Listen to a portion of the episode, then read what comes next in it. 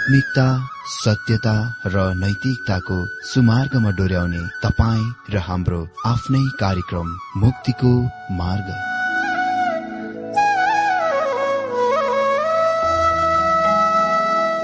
आदरणीय श्रोता यस मुक्तिको मार्ग कार्यक्रममा हार्दिक स्वागत छ। आशा छ यस आत्मिक कार्यक्रमद्वारा जीवनमा आत्मिक आशिष अलौकिक शान्ति र आनन्द प्राप्त गर्नुहुनेछ। र जीवनमा धन्य अनुभव गर्नुहुनेछ। आउनुहोस् श्रोता।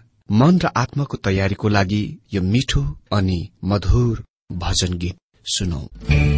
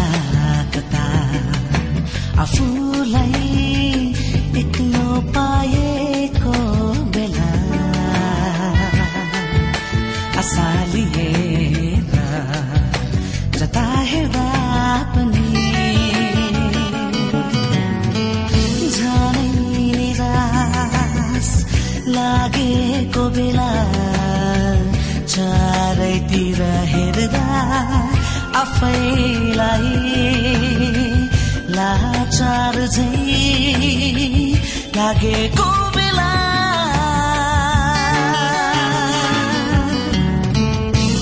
यसो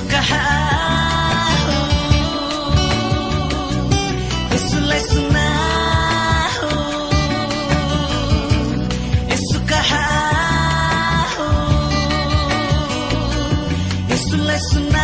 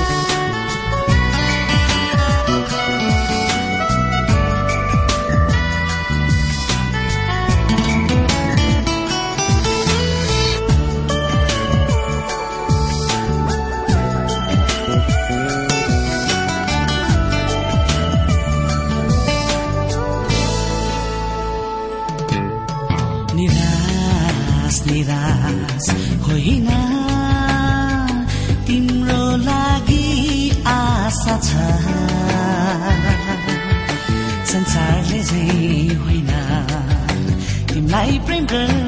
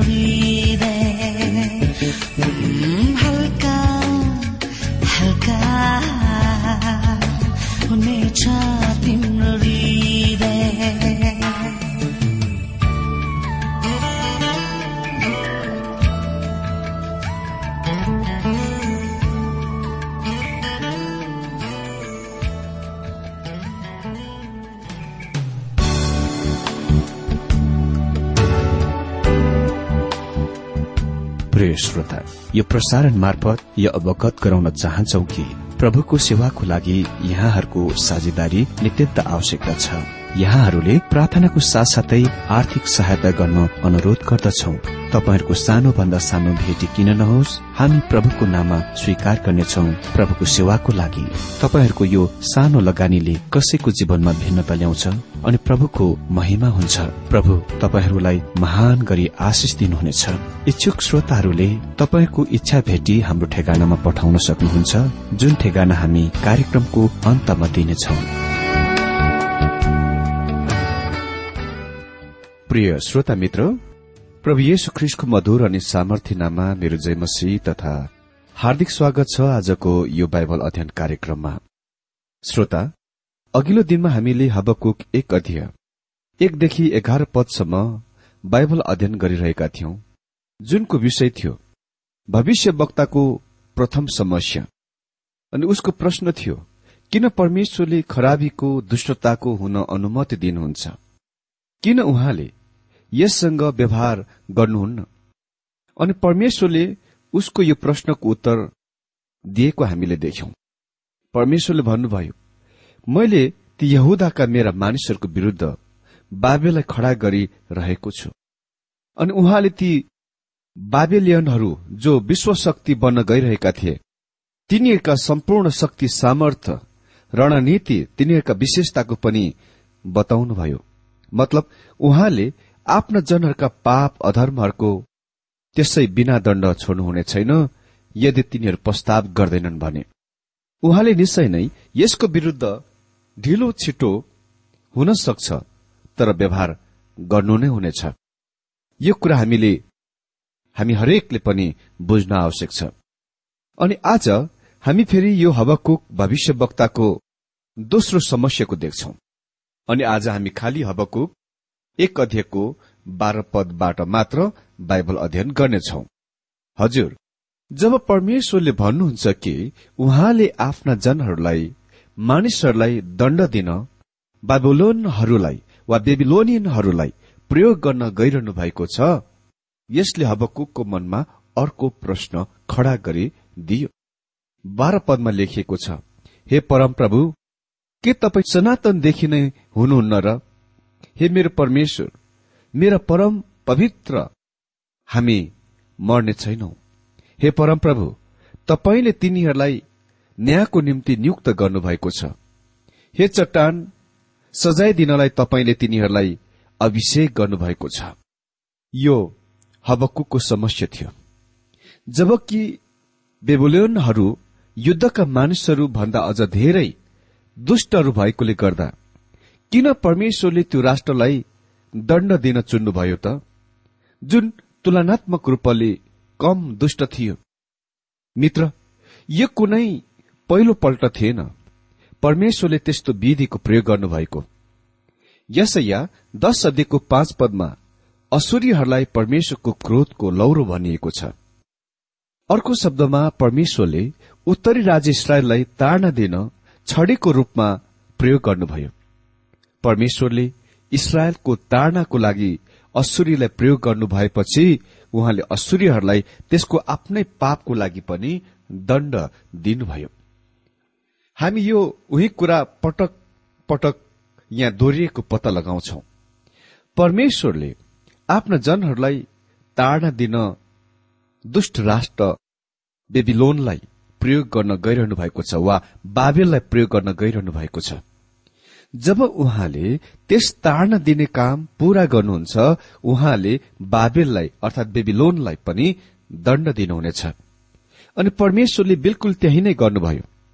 उहाँ मानिसहरूका मामलाहरूमा चाल चल्नुहुन्छ। तर समस्या यहाँ बाँकी रहन्छ।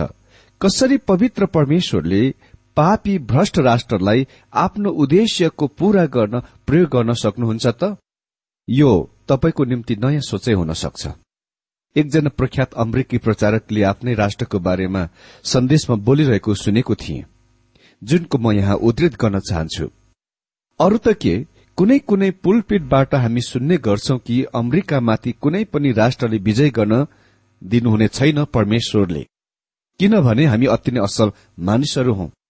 हामीहरू नै ती मानिसहरू हौ जसले अन्य जाति राष्ट्रहरूमा मिसनरीहरू पठाउँछौ। परमेश्वरले कुनै पनि ईश्वरहीन राष्ट्रलाई हामीलाई ताड्न दिन प्रयोग गर्नुहुने छैन मित्र म भनु यदि तपाईँ बाइबलको विश्वास गर्नुहुन्छ भने तपाईँ देख्नुहुनेछ कि परमेश्वरको विधि पापी र दुष्ट राष्ट्रलाई ती मानिसहरूलाई दण्ड दिन प्रयोग गर्नु हो जो कम दुष्ट छन्। यदि हामीले आज दृश्यदेखि पछाडि उहाँले गरिरहनु भएको कुराको देख्न सके मलाई निश्चय छ कि यसले हामीलाई भयभीत गराउनेछ। त्यही प्रचारकले भनिरहनु भएको थियो। म विश्वास गर्दछु उहाँ हाम्रो राष्ट्रको विरूद्ध अगाडि बढ़िरहनु भएको छ चाल चलिरहनु भएको छ। किन? किनभने एक समयमा त्यस राष्ट्रसँग परमेश्वरको ज्ञान थियो जानकारी थियो। यद्यपि त्यो बाहिर देखावटी भए तापनि। एक समयमा बाइबल त्यस राष्ट्रमा आदर गरिन्दथ्यो। यद्यपि त्यस राष्ट्रमा अति नै कम मानिसहरूले यसको बारेमा थाहा पाए तापनि त्यसको आदर गरिन्दथ्यो। तर आज त्यहाँ बाइबलको उपेक्षा र व्यवस्था गरिएको छ र राष्ट्रद्वारा पूर्ण रूपमा इन्कार गरिएको छ। तिनीहरूले त्यसमाथि हातहरू राखेर कसम खान्छन् शपथ लिन्छन् तर तिनीहरूले त्यसको भित्र के लेखिएको छ त्यसको न जान्दछन् न ख्याल र वास्ता नै राख्छन्।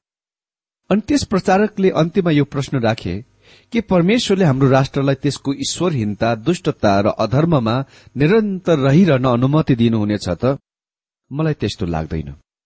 के परमेश्वरले हामीलाई ताड्न दिन ईश्वरविहीन राष्ट्रलाई प्रयोग गर्नुहुनेछ? हजुर त्यो नै हबकुको प्रश्न थियो। किन परमेश्वर जो पवित्र परमेश्वर हुनुहुन्छ अन्य जाति राष्ट्रलाई आफ्ना जनहरूको ताड़ना दिन प्रयोग गर्नुहुनेछ त? हबकुको वाकपट्टु शिकायतको सुन्नुहोस्।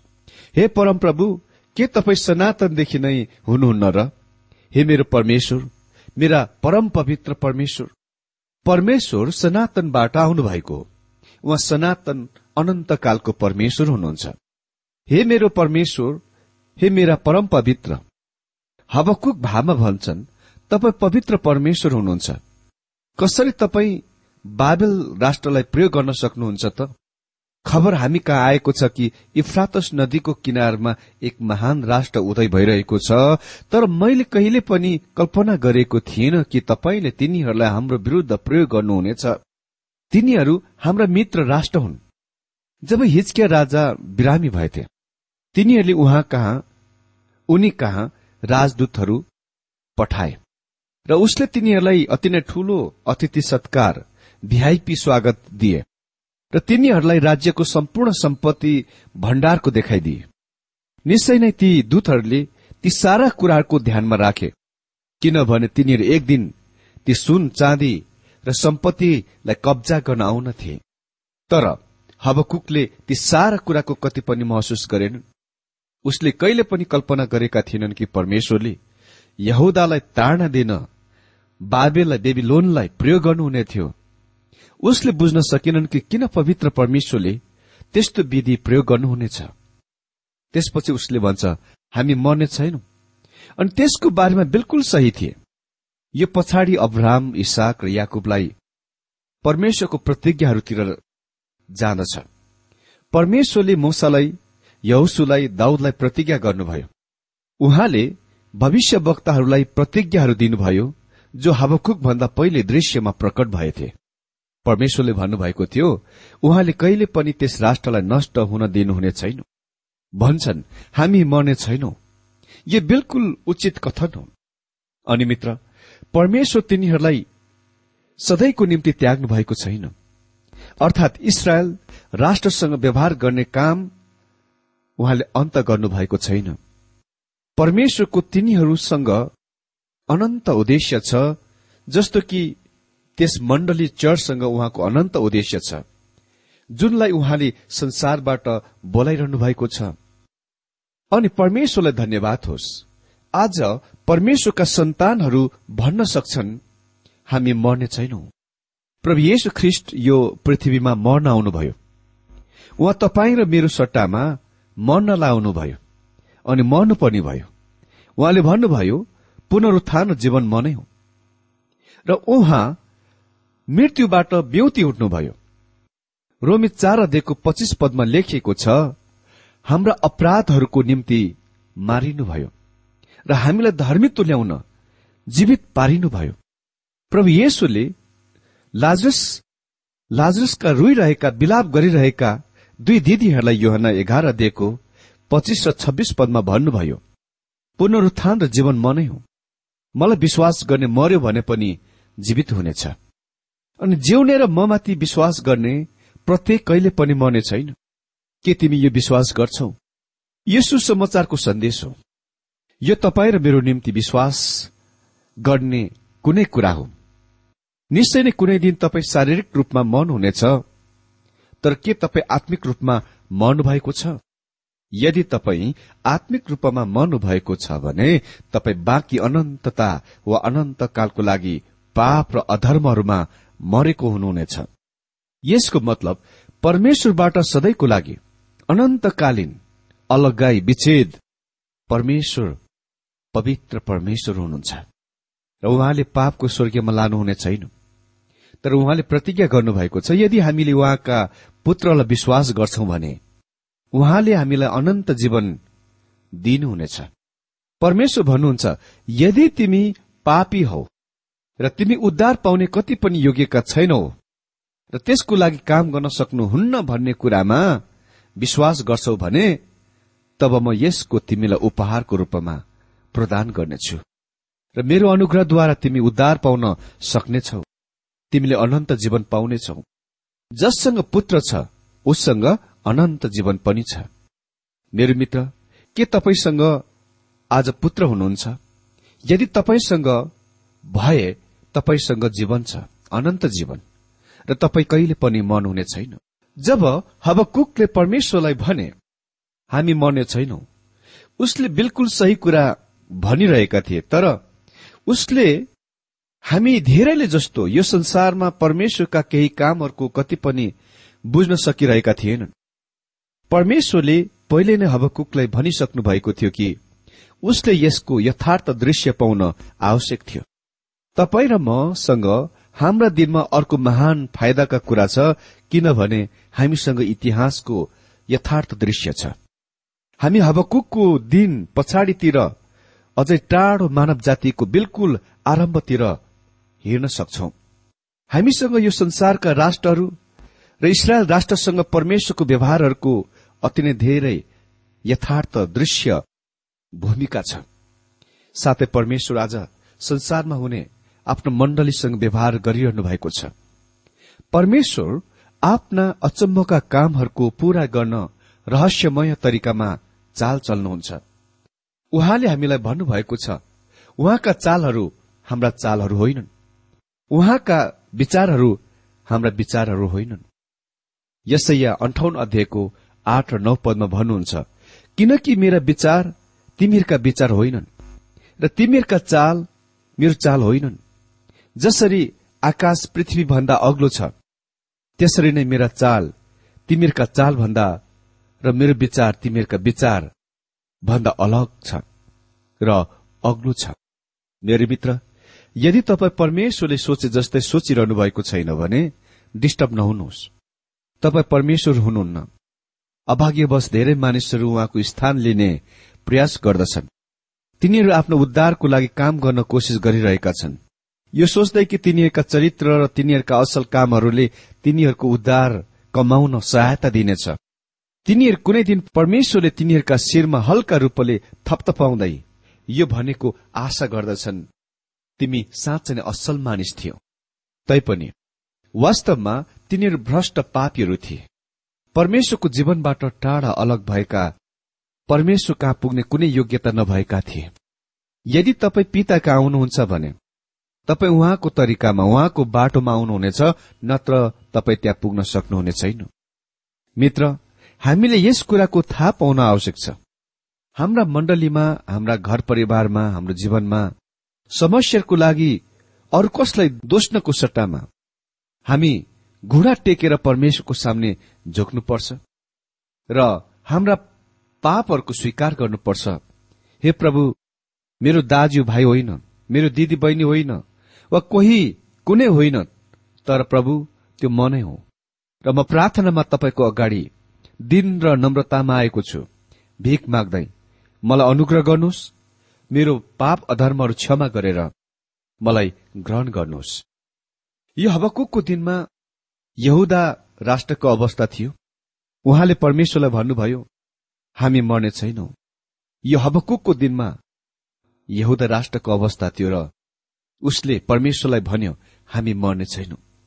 हे परमप्रभु परमेश्वर तपाईँले तिनीहरूलाई न्यायको निम्ति नियुक्त गर्नुभएको छ। यहाँ हबकुक आफ्नो औंलाले बाबेल वा बेबिलोनतिर औल्याउँदैछन् संकेत गरिरहेका छन्। तिनीहरू खराब मानिसहरू हुन् र हामी चाहिँ असल मानिसहरू हौ। यो अचम्म पार्ने कुरा हो कि कति चाँडै हामी हाम्रो विचार दृष्टिकोणको परिवर्तन गर्छौं बदल्छौं।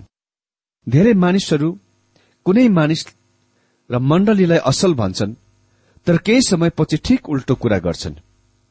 तिनीहरूको विरूद्धमा। हामी सधैँ आफैलाई असल मानिसहरूको वर्गमा राख्छौं। आफैलाई असल मानिसहरूको रूपमा विचार गर्दछौं। र अरू मानिसहरूलाई अरूहरूलाई चाहिँ हामी तल्लो स्तरमा हेर्छौं। अनि यस प्रकारको त्यहाँ धेरै मण्डलीहरू र विश्वासीहरू छन्। तिनीहरू आफैलाई मात्र आत्मिक विश्वासीहरू भन्छन्। आफैलाई मात्र परमेश्वरको सन्तान भन्दछन् र अरूहरूलाई चाहिँ केही पनि गन्दैनन्। आफै मात्र स्वर्गीयको हकदार मान्दछन्। मित्र म त्यस प्रकारका मानिसहरूसँग सधैँ टाढा रहन्छु। मेरो दृष्टिकोणमा तिनीहरू आत्मिक परिपक्व नभएर आत्मिक बच्चाहरू हुन्। र तिनीहरूका वा तिनीहरूमा वचनको त्यति धेरै घन ज्ञान भए जस्तो लाग्दैन। चाहे तिनीहरूले आफैलाई जोसुकै किन्न नठानोस्। किनकि कुनै पनि आत्मिक परिपक्व विश्वासीहरूले र इमान्दार विश्वासीहरूले सर्वप्रथममा कुनै विश्वासीलाई हीन दृष्टिकोणले हेर्दैन सधैँ आलोचना गर्दैन न्याय गर्दैन र आफैलाई महान ठान्दैन किनकि कुनै न कुनै क्षेत्रमा ऊ पनि कमजोर छ। ऊ कति पनि सिद्ध अनि पूर्ण छैन। हो म जान्दछु कि कुनै कुनै विश्वासी अर्को विश्वासी भन्दा विश्वासमा र आत्मिकमा कमजोरी हुन सक्छ। तर यसको मतलब यो होइन कि ऊ स्वर्गीयको निम्ति कति पनि योग्य छैन। अह। मित्र म भनौं हामीले मान्ने मण्डलीको केही धर्मविधि संस्कारहरू रीतिहरूको पालन गरेर हामी उद्धार पाउँदैनौ र हामी स्वर्गीय जाँदैनौ यदि हामी उद्धार पाउँछौ भने र स्वर्गीयमा प्रवेश पाउँछौ भने खालि उहाँको अनुग्रहद्वारा मात्र हो। हाम्रो महानता र हाम्रो विशिष्टता हाम्रो धर्म कर्म नियम कानून व्यवस्थाको पालनले हामी स्वर्गीयमा प्रवेश पाउँदैनौ। मुक्ति उद्धार पाउँदैनौ त्यसकारण म हरेक विश्वासीलाई भन्दछु कि आफैले आफैलाई कहिले पनि असल महान आत्मिक विचार नगर्नुहोस् र अरूलाई हीन दृष्टिकोणले नहेर्नुहोस्। यो विश्वासीहरूको चरित्र चित्रण गर्ने विशेषता जनाउने कुरा होइन। बरु हामीले यस्तो विचार गरौं परमेश्वरको अनुग्रह बेगर त हामी कोही पनि होइनौ। र हामीले अर्को कमजोरी प्रभुमा भाइहरूको निम्ति प्रार्थना गरिदिनुपर्छ। र आत्मिक परामर्श दिनुपर्छ र उसलाई विश्वासमा र आत्मिकतामा बढ्नलाई उत्साह दिनुपर्छ। हामीले उसलाई संगतिमा ल्याउनुपर्छ। उसको ख्याल वास्ता राख्नुपर्छ। त्यो नै आत्मिकताको बाहिर विशेषता हो। हबकुक भन्छन् हे चट्टान सजाय दिनलाई तपाईँले तिनीहरूलाई किन अभिषेक गर्नुभएको छ नियुक्त गर्नुभएको छ त? अर्को शब्दमा हबकुक भनिरहेका छन् प्रभु किन तपाईँले हामीलाई झन खराबी हुन अनुमति दिनुभएको त? तिनीहरू त झन धेरै धेरै दुष्ट नीच मानिसहरू हुन्। तिनीहरू नै ती मानिसहरू हुन् जसलाई तपाईँले दण्ड दिन र सजाय दिन आवश्यक छ। के उसले बिर्से उनी परमेश्वर परमप्रभु कहाँ? गए र प्रभुलाई सोधे किन उहाँका आफ्नै मानिसहरूको बीच खराबीको वा दुष्टको बारेमा केही पनि गरिरहनु भएको थिएन? हबकुकले औल्याएका थिए कि उसका मानिसहरू र जातिहरूले पाप दुष्ट कर्म झगडा र तमाम खराब कुरा गरिरहेका थिए। व्यवस्थाको तोडिरहेका थिए र परमेश्वरको आज्ञाको कति पनि ध्यान दिइरहेका थिएनन्। हबकुकले परमेश्वरलाई त्यस परिस्थितिको लागि केही पनि गर्नु भएन भनी दोष लगाएका थिए। के उसले त्यस कुराको त्यति चाँडै भूले?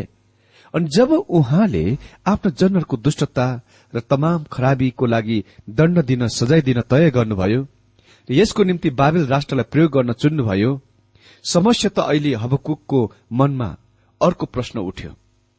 किन परमेश्वरले अझ दुष्ट र भ्रष्ट राष्ट्रलाई र मानिसहरूलाई तिनीहरूलाई सजाय दिन चुन्नुभयो त? हेर्नुहोस् त यस व्यक्तिको दृष्टिकोण कति चाँडै नै परिवर्तन भएको। सायद उसको विचार र सोचाइ यो थियो होला कि अरू कुनै प्रकारले उहाँका आफ्ना जनहरूका दुष्टता र पाप अधर्मको ठिकठाक गरे सोझ्याए असल हुने थियो। मित्र हामीले यो कुराको मनमा राखौं परमेश्वर त्यस तरिकामा चल्नुहुन्न जस्तो हामी चाहन्छौ। उहाँले पहिले भन्नुभयो उहाँको चाल हाम्रो चाल जस्तो छैन।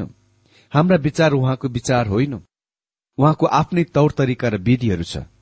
र उहाँ जुनसुकै तरिकाको प्रयोग गर्नु भए तापनि त्यो सधैँ उक्तम तरिका हो। त्यहाँ कुनै सन्देह छैन। उहाँलाई थाहा छ कि कुन तरिका चाल उक्तम हुनेछ। त्यसकारण हामीले कुनै पनि कुराको लागि परमेश्वरको इच्छामा आफैलाई छोडिदिए उक्तम हुनेछ। त्यसमा नै हाम्रो कल्याण हुनेछ। परमेश्वरले आजको यो बाइबल अध्ययनमा हरेकलाई धेरै धेरै आशिष दिनुभएको होस्।